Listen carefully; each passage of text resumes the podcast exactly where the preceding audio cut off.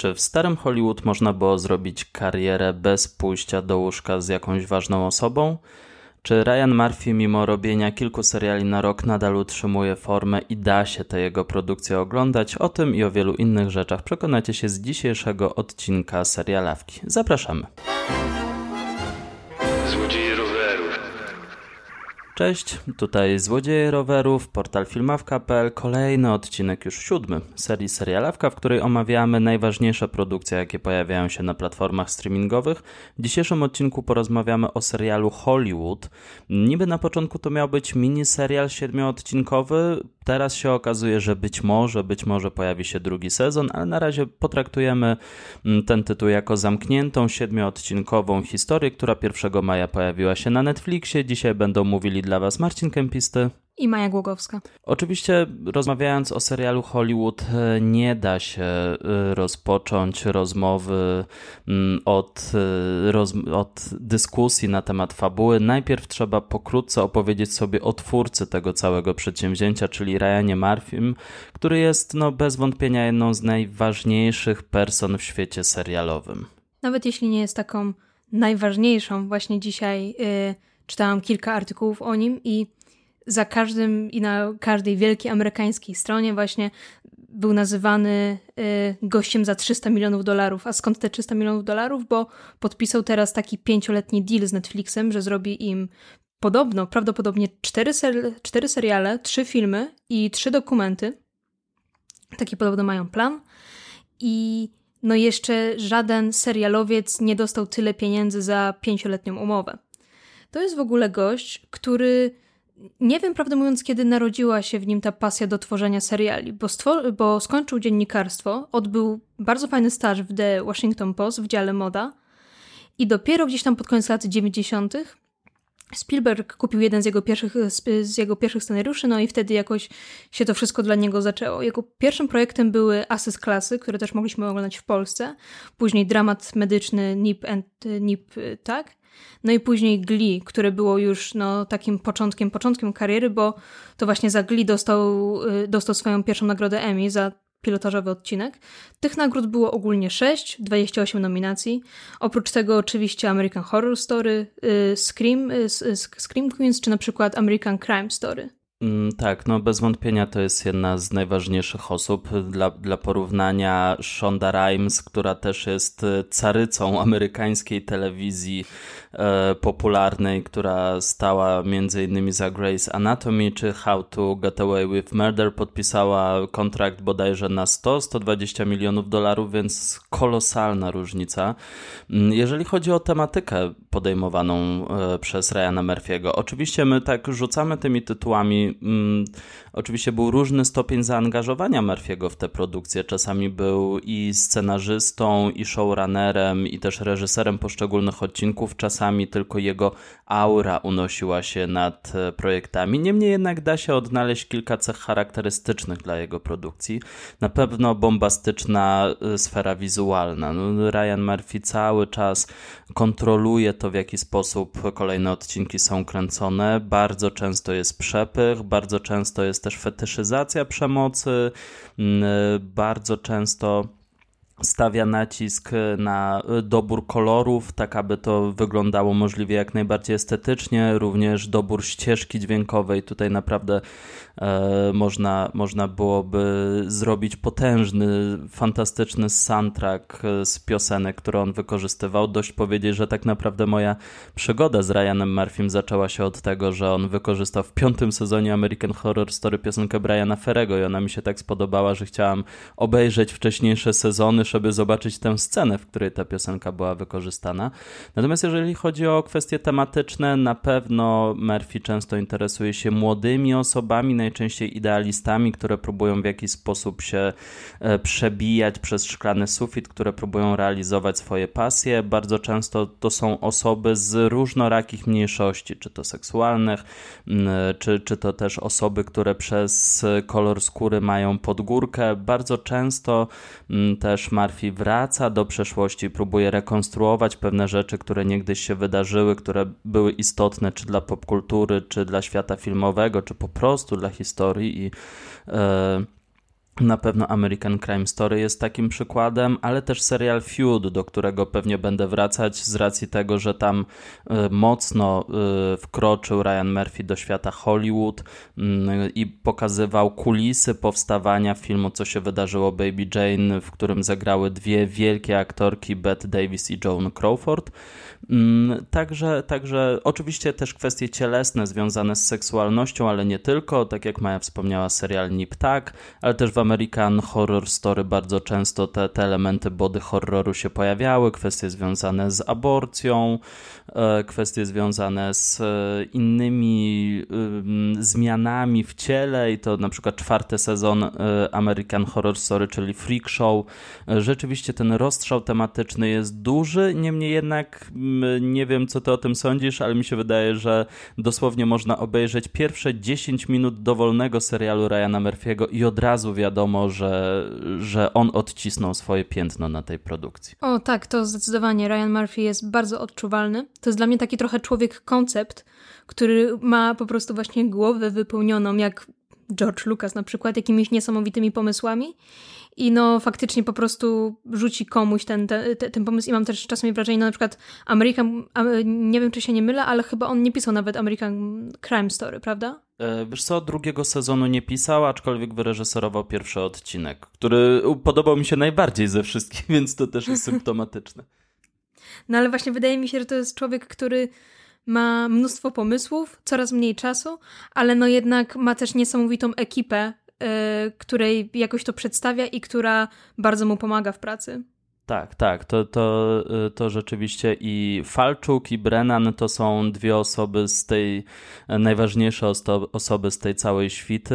E, ja jeszcze zapomniałam wspomnieć o jednej rzeczy, to znaczy odniesienia do popkultury. No, to, tak. to jest niesamowite, że, że on po prostu bombarduje widzami jakimiś e, czy easter eggami, czy po prostu cytatami z jakichś filmów i no, na przykład ten ostatni sezon American Horror Story 1984, który był z jednej strony hołdem, z drugiej strony zabawą z konwencją slashera e, i, i, i też było widać, podobnie zresztą jak to e, na naszym gruncie zostało pokazane w filmie W lesie dziś nie zaśnie nikt, że rzeczywiście e, potrzebował Marfi tej zabawy popkulturą i, i tą taką śmieciową popkulturą, no bo nie ma co ukrywać, że slashery raczej nie należą do, do jakiegoś wielkiego kina, które jest uważane za, za ambitne.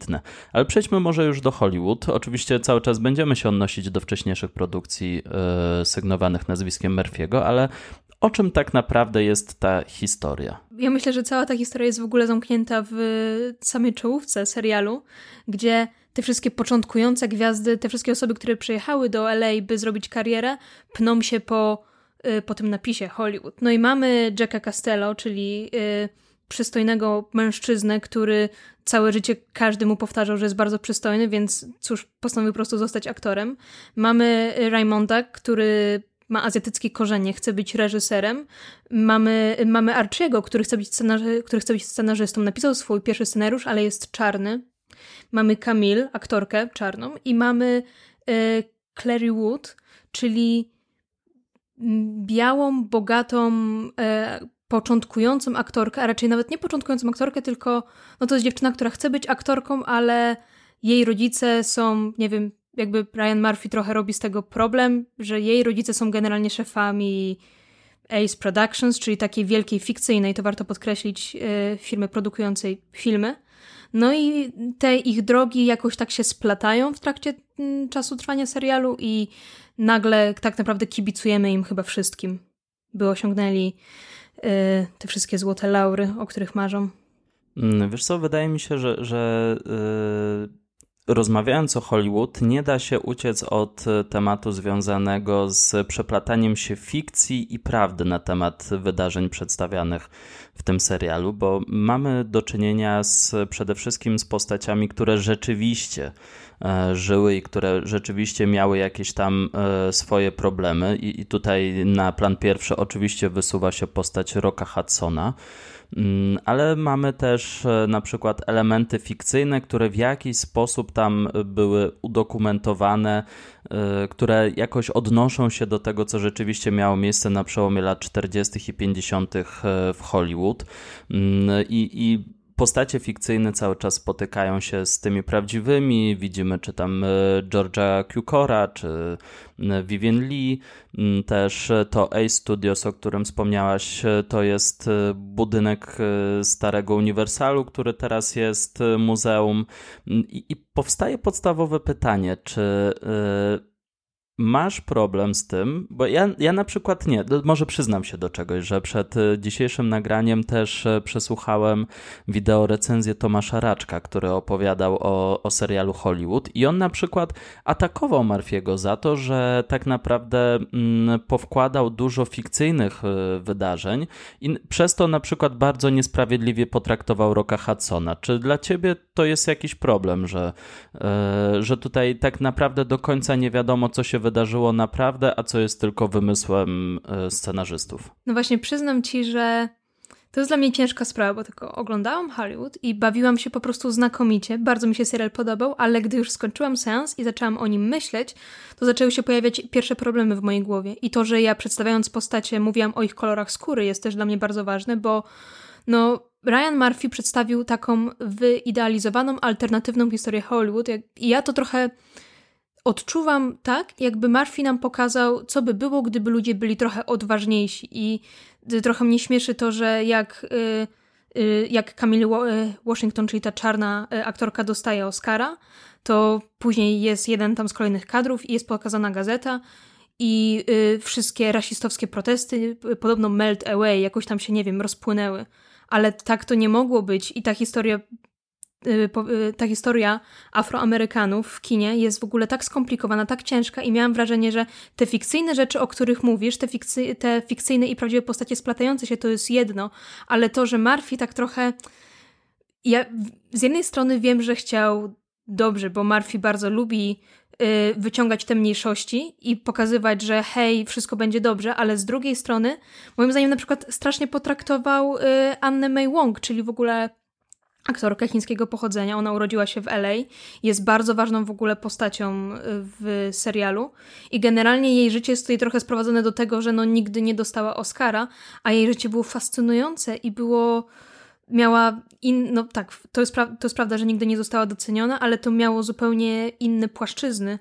A tutaj nie wiem, mam wrażenie, że Murphy po prostu wszystko spłaścił i to mi się bardzo nie podoba. Mm, e, właśnie to, to jest kwestia problematyczna, Te, też się z Tobą zgodzę, bo e, wiesz co, często jak mamy do czynienia z jakimiś filmami historycznymi, oczywiście to są najczęściej filmy wojenne, to mimo wszystko e, nie mamy problemów z tym, że na przykład no, nie do końca jest odpowiednie uzbrojenie, no bo wiadomo, że po prostu takie rekonstrukcje filmowe kosztują dużo pieniędzy, nie zawsze, nie zawsze starczy środków na to, aby to odwzorować jeden do jednego, zresztą no właśnie to nie są są podręczniki do historii. Chodzi o powiedzenie y, jakiejś fabuły w konkretnych szatach y, związanych z dawnymi czasami. I tutaj jakoś nie mamy z tym problemu. Natomiast y, kiedy Murphy jednak bierze prawdziwe postacie, ale gdzieś wkłada w ich usta słowa, których pewnie nie wypowiedziały, no to tutaj zaczynają się już problemy, na ile w ogóle istnieje ta przestrzeń w tej wolności artystycznej, którą niby większość ludzi hołubi, ale na ile istnieje przestrzeń do tego, żeby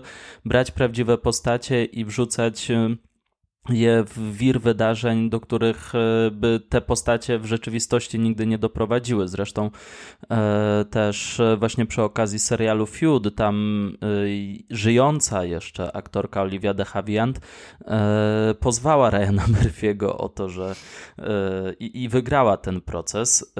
pozwała go o to, że, że rzeczywiście jej dobre imię jakoś tam zostało naruszone, bo ona nigdy by czegoś takiego nie zrobiła i dlaczego w ogóle ta fikcja została przedstawiona dla niej mm, w taki, dlaczego ona w fikcyjnym świecie została przedstawiona w tak negatywnym świetle. No i tutaj ten Rock Hudson. E, nie wiem, czy, czy jak, to, jak to w ogóle potraktować. Co w ogóle sądzisz o tej postaci? Wiesz co, jeśli chodzi o Rocka Hudsona, to tutaj jak ja oglądałam ten serial, to miałam wrażenie, że on nic z tym prawdziwym Rockiem Hudsonem to nie miał do czynienia bo prawda jest taka, że sama, sama w ogóle historia tego oryginalnego Rocka Hudsona, że tak to ujmę, chyba jest wciąż dla nas w ogóle zagadką.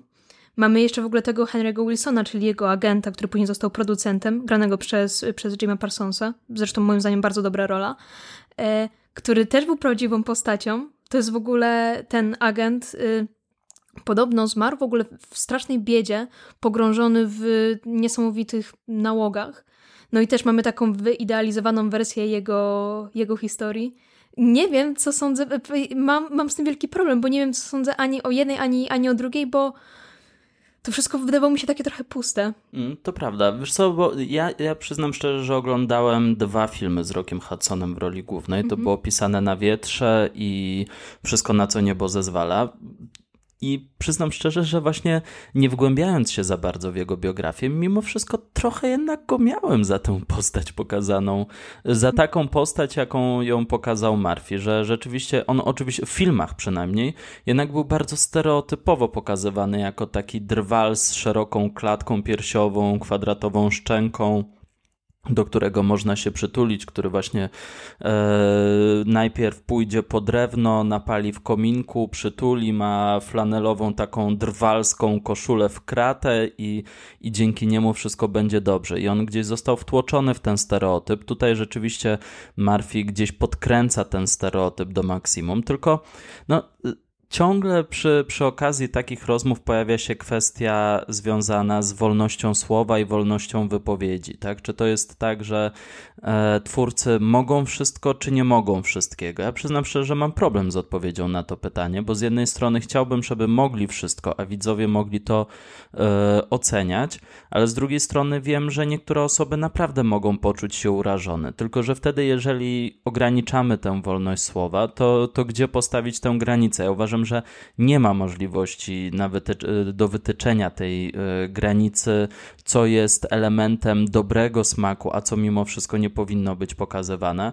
No i też sam Ryan Murphy bardzo często jednak przesuwał tę granicę po to, żeby jakieś tematy wprowadzić do szerszej dyskusji. No i pierwszy sezon American Horror Story, no to to jest kwestia aborcji i, i, i też to w jakich, w jakich warunkach była kiedyś przeprowadzana i z jakim cierpieniem kobiet to się wiązało. I nie ma co ukrywać, że taka popkultura, która jednak jest bardzo inwazyjna, jest y, bardzo mm, dydaktyczna mimo wszystko, bo on jest takim moralizatorem, już abstrahując od oceny, czy to dobre, czy to złe, e, ale jednak jest ciągle moralizatorem, no to jednak wpływa na to, jak się mówi o pewnych wydarzeniach. I mm, dlatego nie wiem, czy jednak po tej stronie wolnościowej bym bardziej nie stanął i mimo wszystko przyznał rację Murphy'emu, że dlaczego o tym nie mówić i dlaczego się tym nie bawić.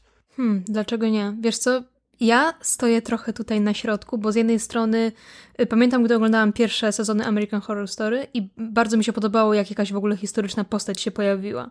To nagle hype u mnie w ogóle zawsze rósł do tysiąca.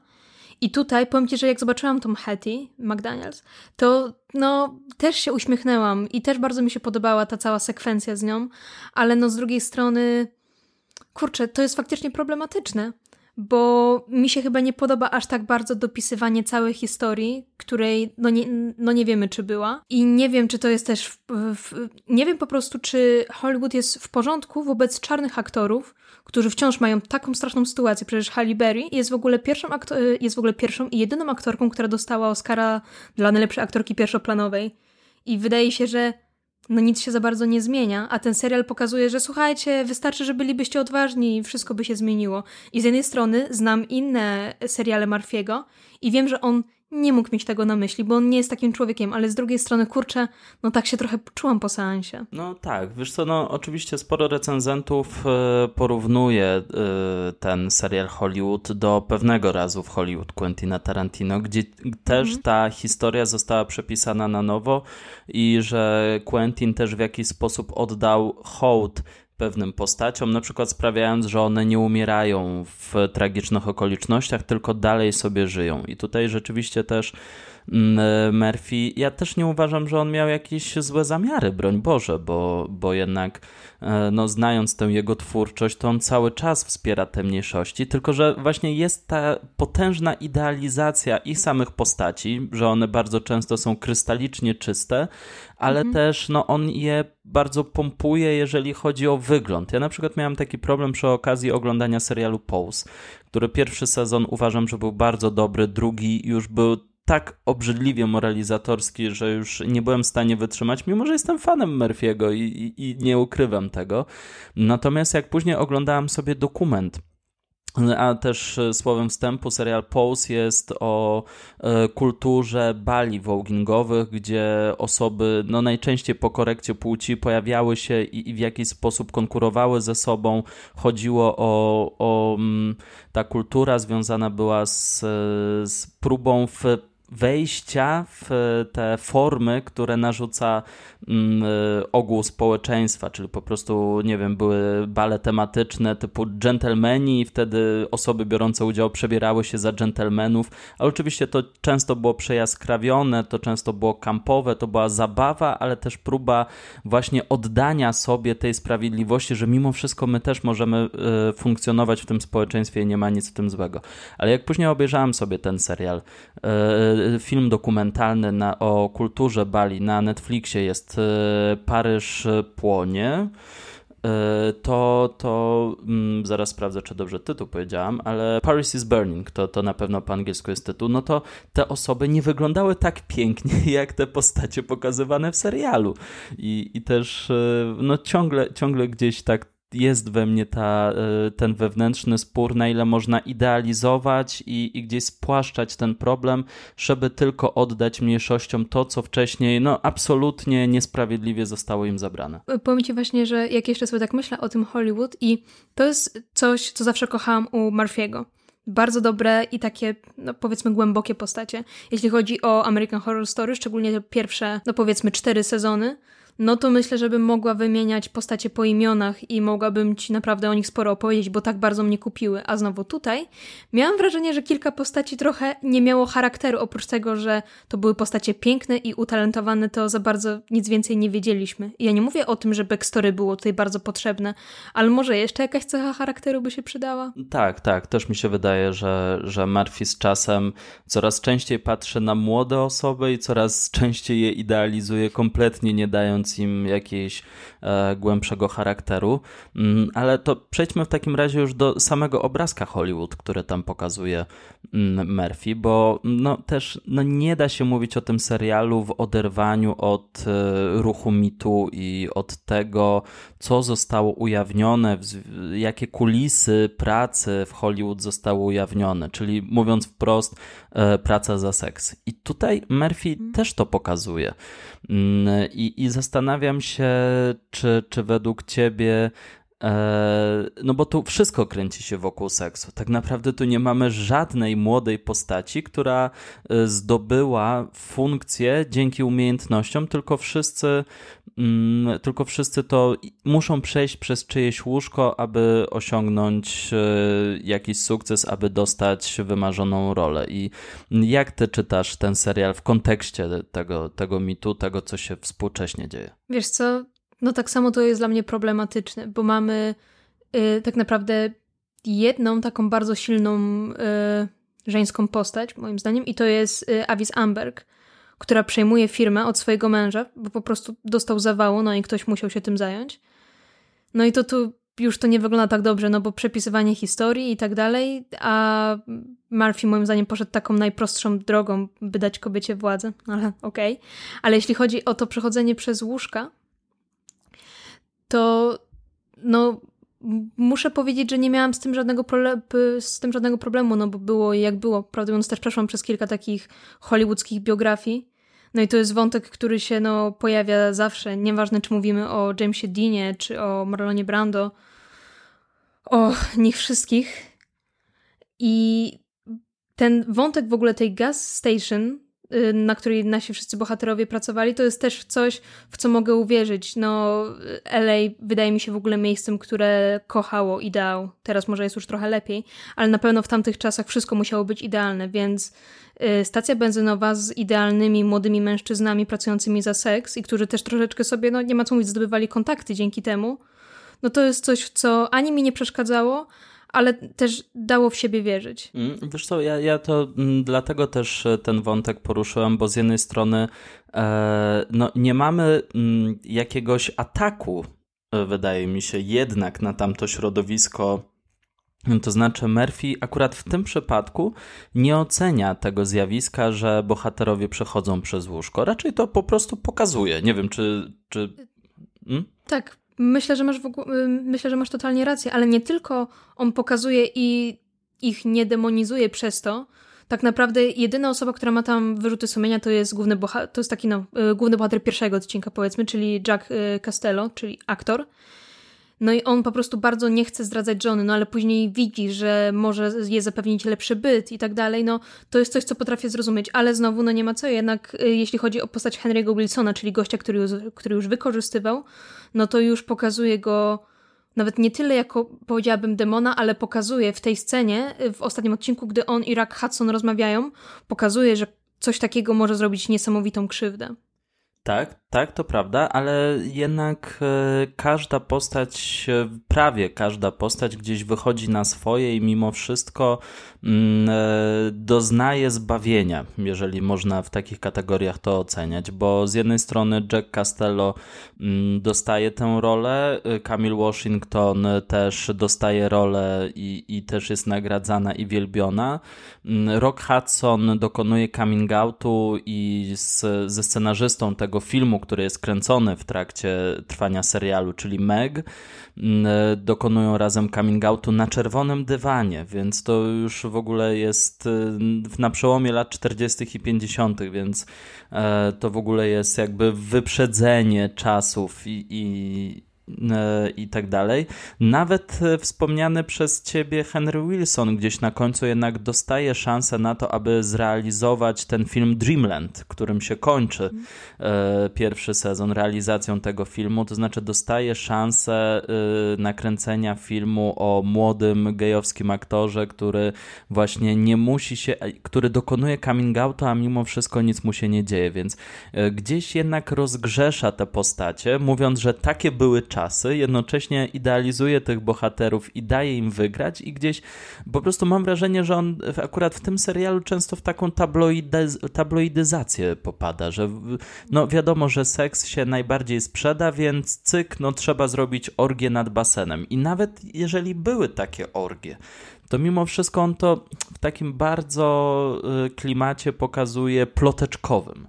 No, wiesz co, myślę, że możesz mieć rację, jeśli ten klimat ploteczkowy, bo faktycznie mamy dość mało szczegółów mimo wszystko. Mamy dużo ogółów, ale mało szczegółów. Ale jeśli chodzi w, ale jeśli w ogóle chodzi o właśnie o ten coming out, o ten czerwony dywan, to to jest to, to też jest dla mnie problematyczne, bo mam wrażenie, że jakby się puściło ten serial komuś nawet, no nie wiem, powiedzmy starszemu, albo komuś, kto no nie do końca wie, jak działa dyskryminacja i puściłoby się ten serial takiej osobie i ta osoba by powiedziała, no, widzi, no widzicie, jakie to jest proste, po prostu można zrobić coming out na czerwonym dywanie i wszystko będzie w porządku. Ale kurczę, przecież to tak nie wyglądało w tamtych czasach i ja wiem, że Murphy trochę nam robi baśń z tego Hollywood, bo zresztą nie wiem, czy też miałeś takie, yy, takie wrażenie, ale sama scenografia, same kostiumy, wszystko się wydaje baśniowe, wszystko jest idealne, nic nie jest wykniecione, tak, tak. nic nie jest brudne, więc może tak, ale wolałabym, żeby Murphy z tą baśnią był bardziej otwarty, jeśli mogę tak to ująć.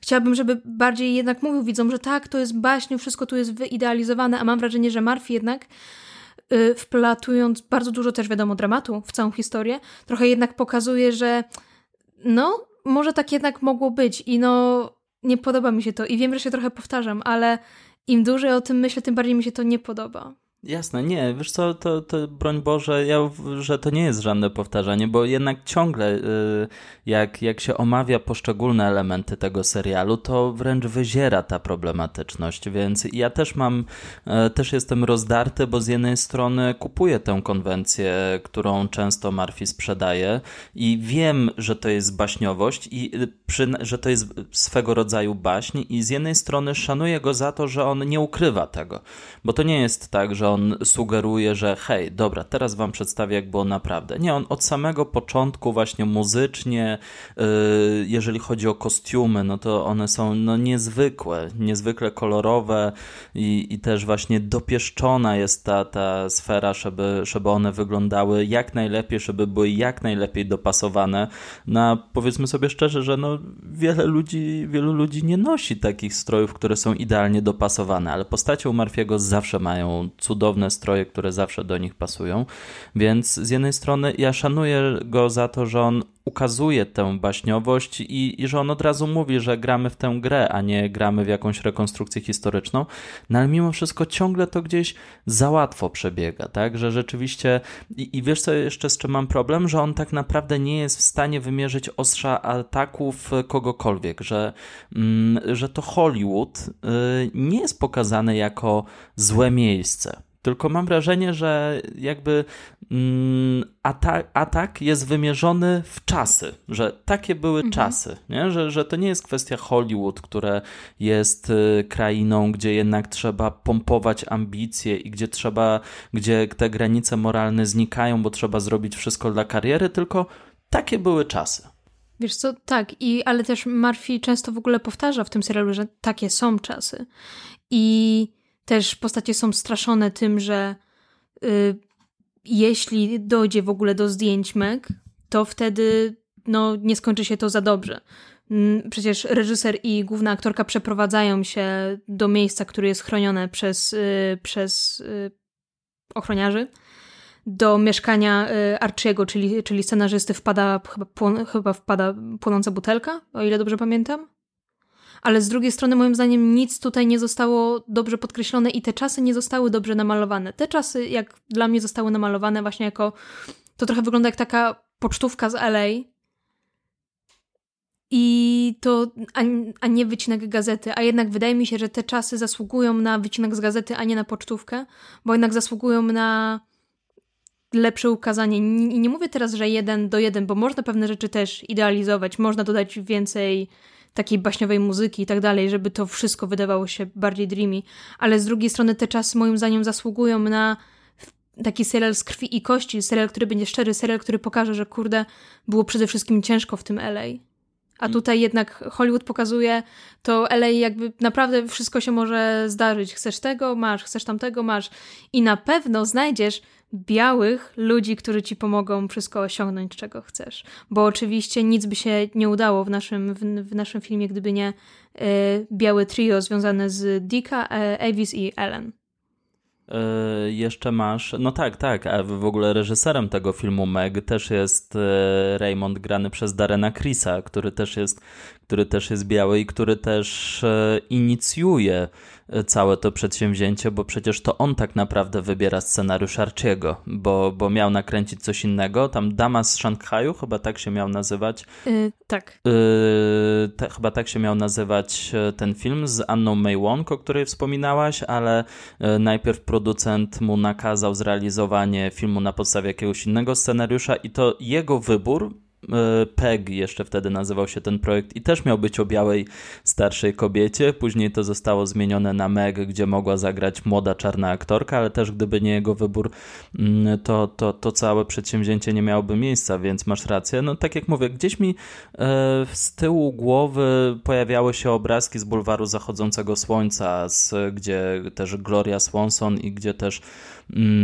było pokazane, w jaki sposób Hollywood ob obchodzi się z, z aktorami, gdzie oczywiście tam też chodziło o to przejście z kina niemego do mm, kina, gdzie jednak te dialogi już do kina dźwiękowego.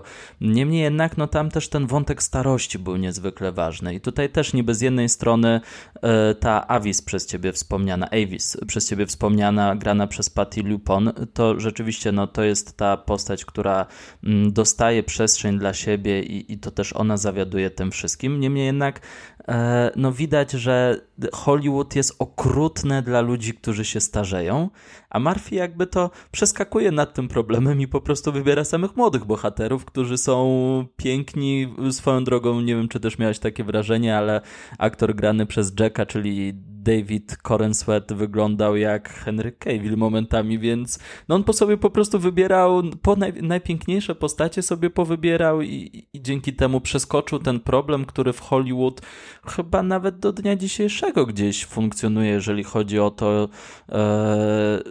w czym mają grać starsi aktorzy.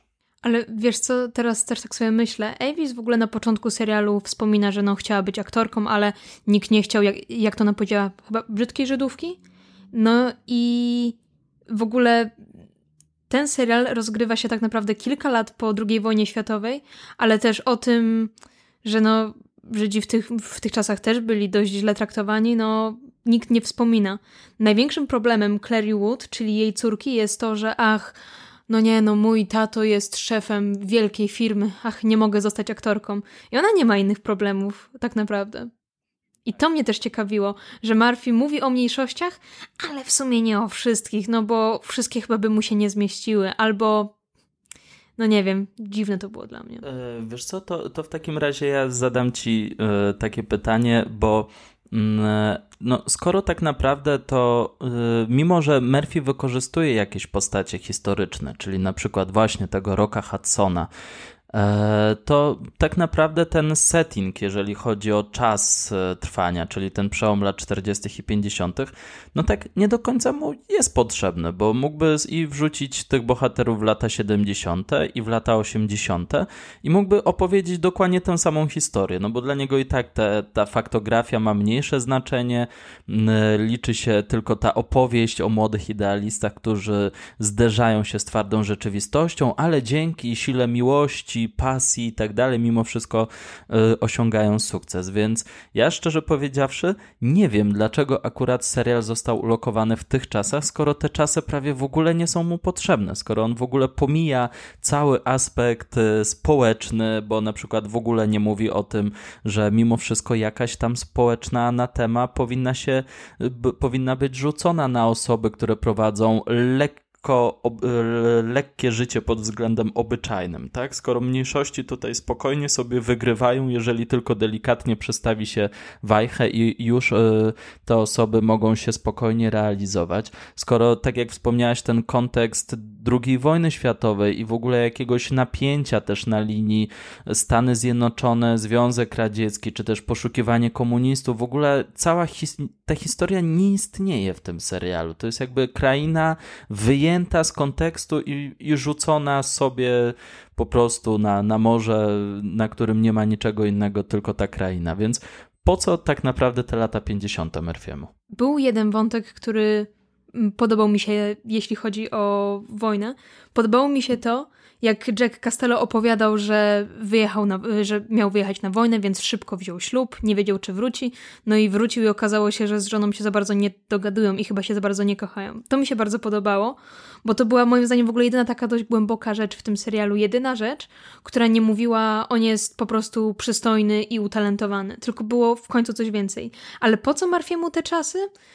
Mi się wydaje, że dlatego, że jest Murphy. Murphy lubi piękno, lubi przepych, lubi piękne kostiumy, lubi pięknych aktorów i piękne zdjęcia, a tutaj to naprawdę mógł się pochwalić, bo zdjęcia były fenomenalne. Fenomenalnie w ogóle oddawały tamte czasy. Moim zdaniem te ich nagrywki Meg. Ja bym to naprawdę mogła zobaczyć jako pełny film i nic by mi to nie przeszkadzało. Aktorstwo też, yy, też to w ogóle było bardzo fajne, że ci aktorzy bardzo próbowali grać na modłę tamtych czasów. Tutaj moim zdaniem wielkie brawa się należą tak naprawdę całej obsadzie. Ale gdyby ten film opowiadał na przykład o dzisiejszych czasach, no bo sytuacja wciąż jest w sumie ciężka, to wydaje mi się, że mógłby wyjść tylko głębiej i tylko lepiej. bo mógłby teraz opowiedzieć o tym, co się dzieje w LA, a wydaje mi się, że wciąż jest bardzo ciężko. Musiałby troszeczkę moim zdaniem przepisać, ale wydaje mi się, że i postacie mogłyby mu bardziej wyjść tutaj z krwi i kości. Te problemy mogłyby się wydawać bardziej prawdziwe, bo w tamtych czasach no jednak nawet nie tyle, że jest się ciężko odnieść, ale to wszystko wydaje się tak bardzo nieprawdziwe w tym, że ciężko mi było się przywiązać do tych postaci. Mm, no wiesz, też, też e, zgodzę się z tobą, że to chyba chodziło o to, że po prostu Murphy e, rzadko zaglądał w tamtą, do tamtej epoki w swoich serialach, dlatego po prostu też potrzebował gdzieś i, i dania hołdu E, dla, dla jakichś aktorów, którzy rzeczywiście mieli problemy ze swoją orientacją. Znaczy problemy w tym znaczeniu, że po prostu to nie było akceptowane, więc musieli się ukrywać, czyli, czyli na przykład e, Rock Hudson, a, a z drugiej strony mógł po prostu Netflix sypnął pieniędzmi, więc można było też poszaleć i stworzyć e, piękną scenografię i, i też mm, piękne kostiumy. Zastanawiam się, jak w tym w tej fabryce Ryana Murphy'ego, gdzie można umiejscowić Hollywood, jeżeli chodzi o jakość e, i, i o sposób wykonania, bo wydaje mi się, że e, no zawsze Murphy był estetą, niemniej jednak no, to jest chyba jeden z najładniejszych, najładniejszych pod względem wizualnym e, seriali w, w jego twórczości, czy też po prostu sygnowanych jego nazwiskiem. Natomiast przyznam szczerze, że pod względem fabularnym no, że jest coraz gorzej, że są pomysły, ale później e, i są ciekawe pomysły, ale gdzieś później to ciągnie i ciągnie i, i to zawsze był problem American Horror Story, ale wtedy dostawał najczęściej po 10 przynajmniej odcinków, czy tam po 12 odcinków, a, a teraz dostał 7 odcinków, a i tak zabrakło mu pary, brakowało mu pary w niektórych momentach. Mi się wydaje, że z Ryana coraz bardziej robi się człowiek koncept,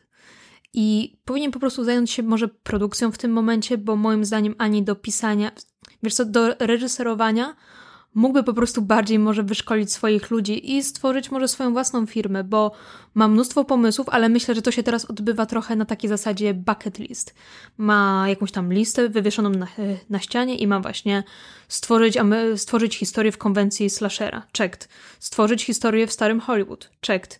Ale wydaje mi się, że już nie ma w tym takiej głębi, jaka była kiedyś. No tak, tak. Wiesz co, z tym bucket list chyba się zgodzę, bo e, przecież jednym z kolejnych projektów ma być serial Ratchet, czyli o, o tej pielęgniarce z filmu Lot nad kukułczym gniazdem, więc domyślam tak. się, że będzie e, setting w latach 70. E, tam, no były lata 80. ostatnio, lata 70. jeżeli były, to gdzieś tam się mimochodem pojawiały. Cały serial chyba nie był E, ulokowane w tych czasach.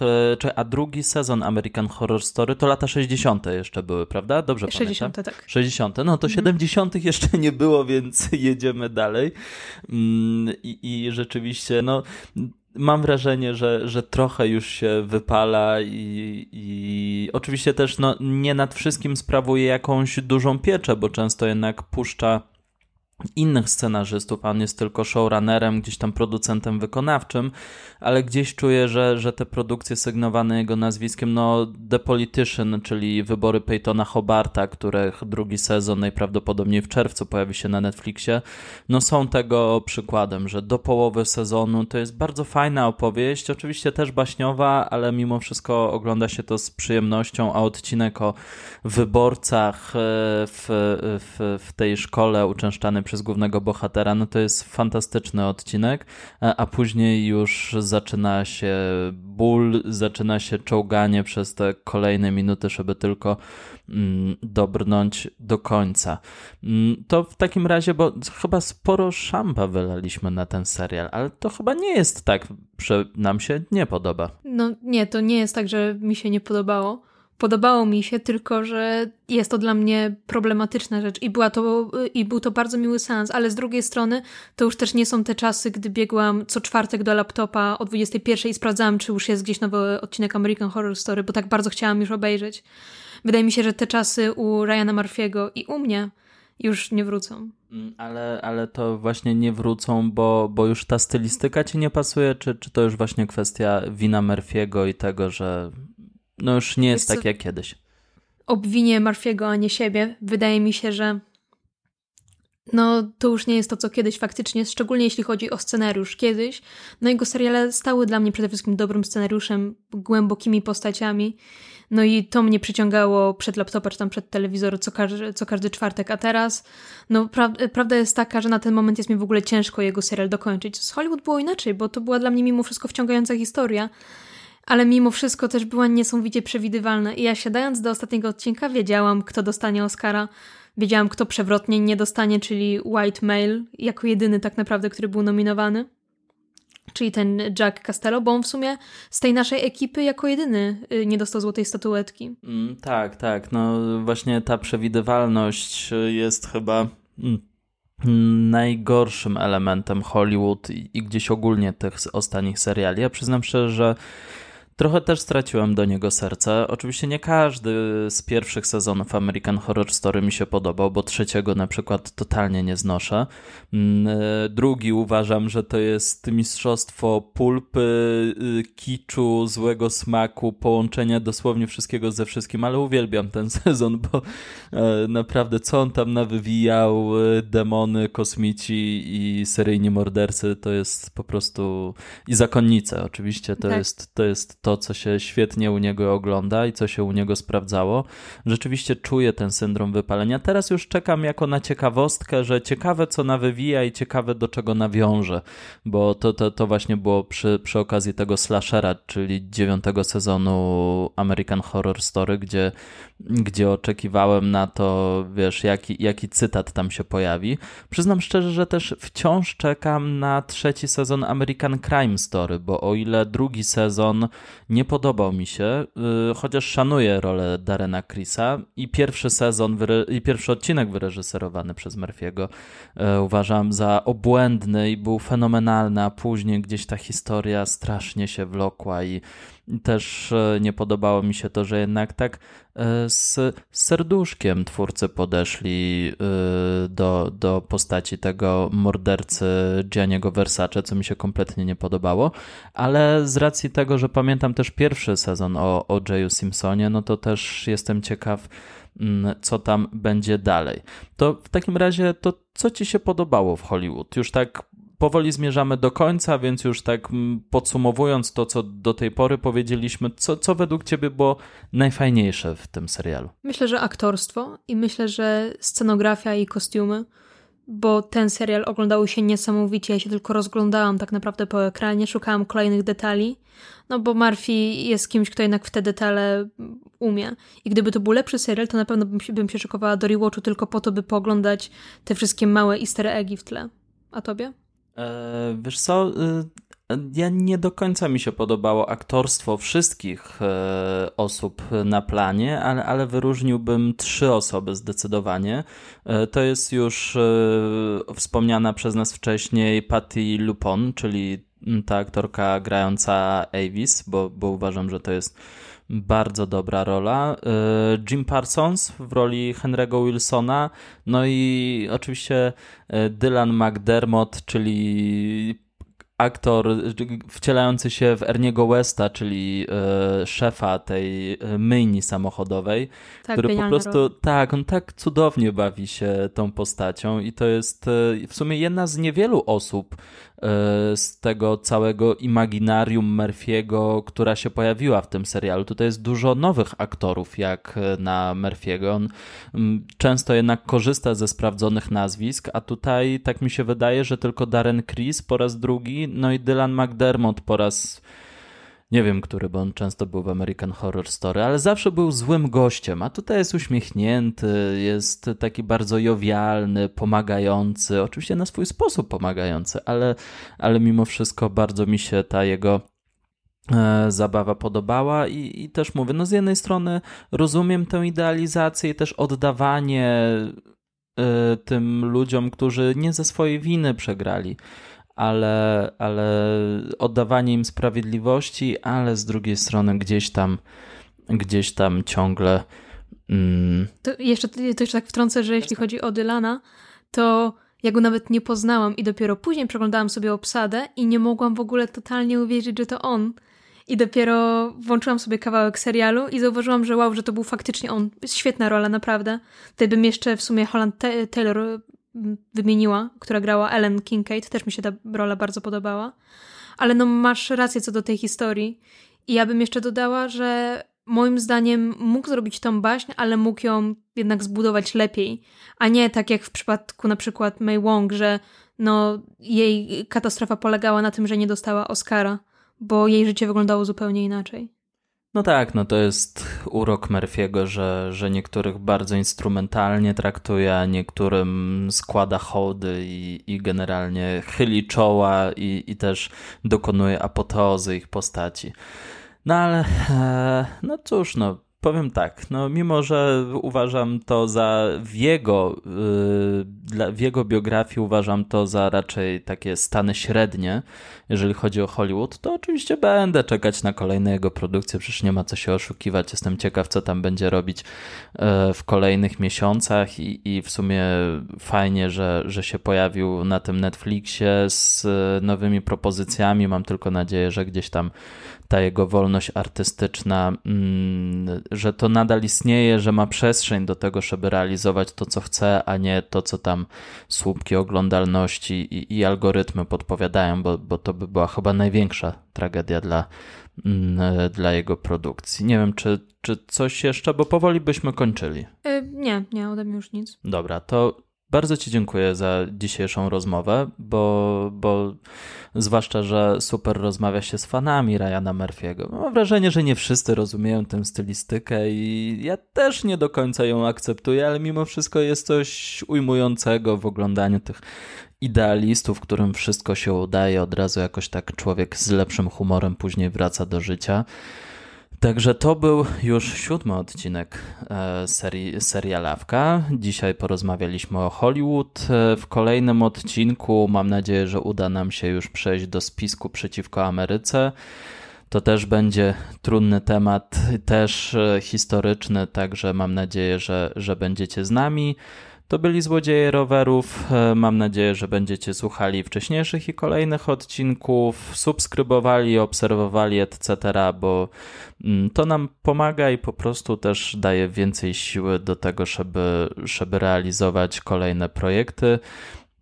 To wszystko dzisiaj od nas mówili dla Was Marcin Kempisty i Maja Głogowska.